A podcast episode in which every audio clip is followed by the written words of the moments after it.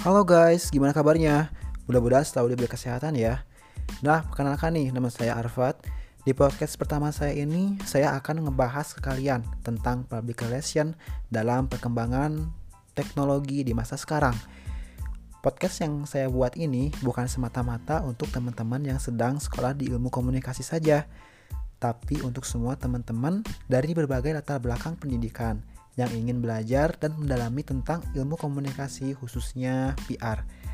Sebelum membahas lebih jauh tentang PR dan kaitannya dengan perkembangan teknologi dan informasi, khususnya di bidang komunikasi, saya akan bahas dulu tentang apa itu PR atau Public Relation. Teman-teman sering dengar kan istilah PR atau Public Relation atau bahkan kalian sering dengar tentang PR tapi belum terlalu mengerti apa sih PR itu sebenarnya kerjanya apa sih PR itu? Atau mungkin buat teman-teman yang lagi kuliah di jurusan PR kebingungan nih. Nanti setelah lulus mau jadi apa dan kerja di mana? Nah biar gak bingung di sini saya mau coba ngejelasin definisi PR itu sendiri. Kemudian kerjaan PR itu apa? Jadi intinya teman-teman bisa lebih mendalami poin-poin yang harus dikuasai dari seorang PR. Nah, kita mulai dari definisi PR dulu. Jadi, ada buku dari Frank Jeffkins yang bilang bahwa PR adalah individu yang merangkum keseluruhan komunikasi yang terencana baik ke dalam maupun keluar antara satu organisasi dengan semua halayaknya dalam langkah mencapai tujuan spesifik yang berlandaskan pada saling pengertian. Di sini kita jelasin dulu deh, PR adalah individu yang merangkum keseluruhan komunikasi yang terencana. Nah, dalam hal ini, komunikasi yang terencana adalah segala sesuatu yang sudah disiapkan oleh individu itu sendiri. Apa yang ingin dia sampaikan kepada publik tentang perusahaannya. Apa yang ingin mereka sampaikan ke publik tentang visi misi perusahaannya. Nah, dalam hal ini, segala sesuatunya itu harus terencana walaupun kenyataannya ada pula hal-hal yang di luar harapan PR itu sendiri.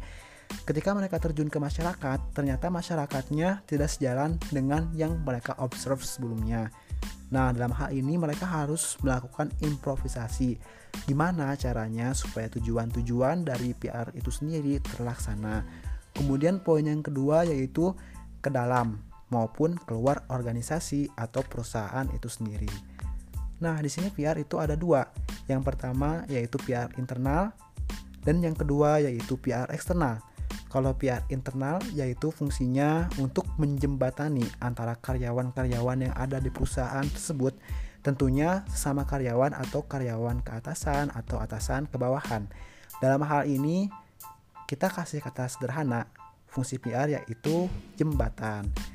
Nah, kalau PR eksternal ini cakupannya luas banget kita bisa bilang luas karena mereka berhubungan dengan masyarakat. Mereka berhubungan dengan halayak, fungsi PR yang selanjutnya yaitu manajemen yang membangun dan mempertahankan hubungan yang baik dan bermanfaat antara organisasi dan publik. Tentu saja dengan hal ini mempengaruhi kesuksesan atau kegagalan organisasi tersebut. Kalau misalkan teman-teman melihat banyak sekali PR-PR di media massa yang teman-teman gak sadar bahwa sebetulnya mereka itu sedang menjalankan tugas mereka sebagai PR. Kayak misalkan yang teman lihat itu seperti program-program yang ada di televisi swasta yang berhubungan dengan CSR. Itu tentu saja untuk membentuk citra perusahaan di masyarakat. Mau dibentuk citra yang seperti apa? Contohnya nih, kayak program acara bedah rumah Nah, di situ kita lihat bahwa mereka terus berusaha membangun image perusahaan yang peduli satu sama lain. Nah, selanjutnya saya mau ngebahas tentang fungsi PR secara umum. Kalau tadi kan kita dengar ada fungsi manajemen membangun dan mempertahankan hubungan perusahaan dengan halayak. Nah, kali ini kita akan bahas fungsi PR itu sendiri secara umum. Yang pertama yaitu menunjang kegiatan manajemen dalam tujuan organisasi atau perusahaan. Nah, tentu saja setiap organisasi atau perusahaan profit maupun non-profit, mereka memiliki visi misi yang dikomunikasikan secara internal dan tentu saja ingin dikomunikasikan secara eksternal supaya visi visi misi mereka bisa berjalan sebagaimana mestinya dan halayak atau masyarakat pun bisa tahu akan visi misi perusahaan mereka. Nah, ini semua berkaitan dengan PR dalam perkembangan teknologi, khususnya di bidang komunikasi di masa sekarang. Saat ini dengan berkembangnya teknologi komunikasi yang sangat pesat, kita bisa menyampaikan visi dan misi serta tujuan dari perusahaan kepada halayak dengan sangat mudah. Nah, umumnya dalam pemanfaatan IT ini menjadikan perusahaan semakin dekat dengan konsumen sebagai bagian yang dalam upaya menjaga citra dan kesan perusahaan terhadap publik dan konsumennya tentulah PR akan dapat mendekatkan konsumen dengan produk perusahaan dan juga akan berpengaruh terhadap peningkatan kualitas produk. Di samping itu, PR dalam pemanfaatan IT tentunya akan mampu untuk memenuhi kebutuhan informasi konsumen atas informasi yang dibutuhkan dari suatu produk. Perusahaan yang tidak memanfaatkan IT akan tertinggal dan tentu tinggal menunggu waktu keberangkutannya. Perkembangan teknologi informasi memudahkan aktivitas public relation. Jika dahulu PR dilakukan dengan berhadapan langsung atau secara konvensional, yang mana secara PR berdiri di tengah halayak ramai, namun kini halnya tidak perlu lagi. Melalui media massa, baik cetak, koran, majalah, tabloid, pamflet, brosur, dan lain-lain, maupun siaran televisi seperti radio, televisi, dan video di mana kegiatan PR jauh lebih efektif. Terlebih lagi dengan adanya internet sebagai media komunikasi, kegiatan PR dapat dilakukan dengan email, chatting, webpage, blog, dan masih banyak lagi. Namun dengan demikian, dengan perkembangannya teknologi informasi menuntut pengetahuan dan keterampilan serta kreativitas dari seorang public relation untuk menjalankan tugasnya. Hal penting yang harus dilakukan seorang PR adalah penggunaan teknik yang lebih kompleks dan kreatif seperti annual reports, press release, telekonferensi, news conference, konferensi pers, advertorial, public tour, atau orasi langsung. Pemilihan teknik tentunya dipengaruhi siapa dan bagaimana audiens, juga ketertarikan interest audiens. Semakin beragam target audiens yang dituju, maka teknologi penyampaian pesan pun semakin tinggi sehingga menjangkau masyarakat yang lebih luas. Nah, kali ini saya akan ngebahas apa aja nih media yang bisa kita gunakan sebagai pelaku PR dalam melaksanakan kegiatannya. Yaitu yang pertama ada webpage.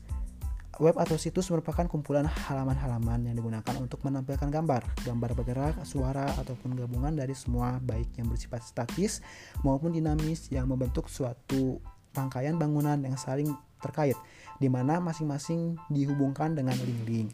Di era pesan ini tidak lagi disampaikan satu arah, namun bersifat interaktif. Manfaat web bagi PR yaitu dapat melakukan pengurusan langsung dan cepat tentang apa yang dilakukan pesaing, mengetahui opini yang mendukung atau berlawanan dari masyarakat PR juga dapat memanfaatkan web untuk virtual marketing, distribusi, distribusi email, grup diskusi antara pengguna internet ataupun sesama PR. Kemudian yang kedua yaitu ada blog.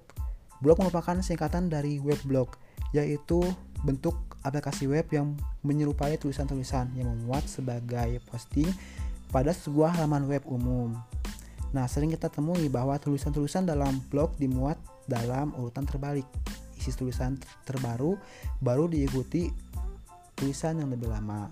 Blog biasanya dapat diakses oleh semua pengguna internet karena terhubung langsung dengan Google sesuai dengan topik dan tujuan dari pengguna blog tersebut. Blog ini merupakan sarana penunjang bagi PR untuk membuat berbagai tulisan yang menjelaskan, mengkonfirmasi, dan menginformasikan mengenai nilai positif dan perusahaan dan produk yang diperlukan oleh publik. Yang kedua ada email, yang ketiga ada email. Email merupakan surat elektronik di mana pengiriman dokumen melalui jaringan internet. Nah, kemudian yang keempat yaitu ada milis. Milis singkatan dari mailing list yang ber, yang berisi daftar alamat email yang tercantum dalam suatu grup milis dalam Yahoo. Dengan memiliki milis akan dapat mempercepat proses pengiriman informasi kepada sekumpulan pihak dengan sekali klik saja. Kemudian yang selanjutnya yaitu jaring sosial. Jaring sosial telah berkembang pada dunia maya dan menjadi tren sendiri di kalangan anak muda. Menjadi kesempatan besar bagi pelaku PR untuk mengembangkan jangkauan publik melalui jaring sosial. Jaring sosial sangat berguna bagi publikasi karena menggunakan berbagai fasilitas mendukung di dalamnya. Contoh jaring sosial yang bisa kita gunakan sebagai pelaku PR adalah sebagai berikut. Contohnya yaitu Facebook, Twitter, Instagram, Line, WhatsApp, dan lain-lain. Nah, kemudian juga ada video conference. Video conference merupakan telekomunikasi dengan menggunakan audio dan video sehingga terjadi pertemuan di tempat yang berbeda-beda. Ini bisa berupa antara dua orang secara pribadi dalam kantor poin-poin atau mengikut sertakan beberapa orang dalam ruang atau multi point di tempat yang berbeda-beda Video conference ini dibagi atas tiga. Yang pertama, two ways video conference.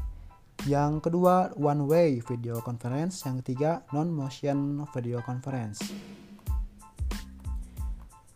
Nah, kemudian ada webcast. Webcast menggabungkan konsep audio dan video yang disiarkan melalui internet.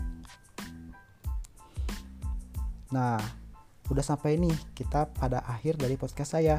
Kesimpulan yang bisa kita ambil dari pembahasan tadi tentang PR dan kaitannya dengan perkembangan teknologi di bidang komunikasi yaitu dalam melaksanakan tugas dan perannya pelaku PR perlu untuk memanfaatkan penggunaan teknologi sebagai sarana penyampaian informasi kepada halayak atau pelanggan. Citra perusahaan akan tercemin pada penggunaan teknologi dalam penyampaian informasi yang dibutuhkan oleh pelanggan. Teknologi yang dapat digunakan pelaku PR dalam melaksanakan kegiatannya antara lain webpage, blog, email, list, jaring sosial, video conference, IRC, fight news, release, webcast, satelit, media tours, dan juga podcast tentunya.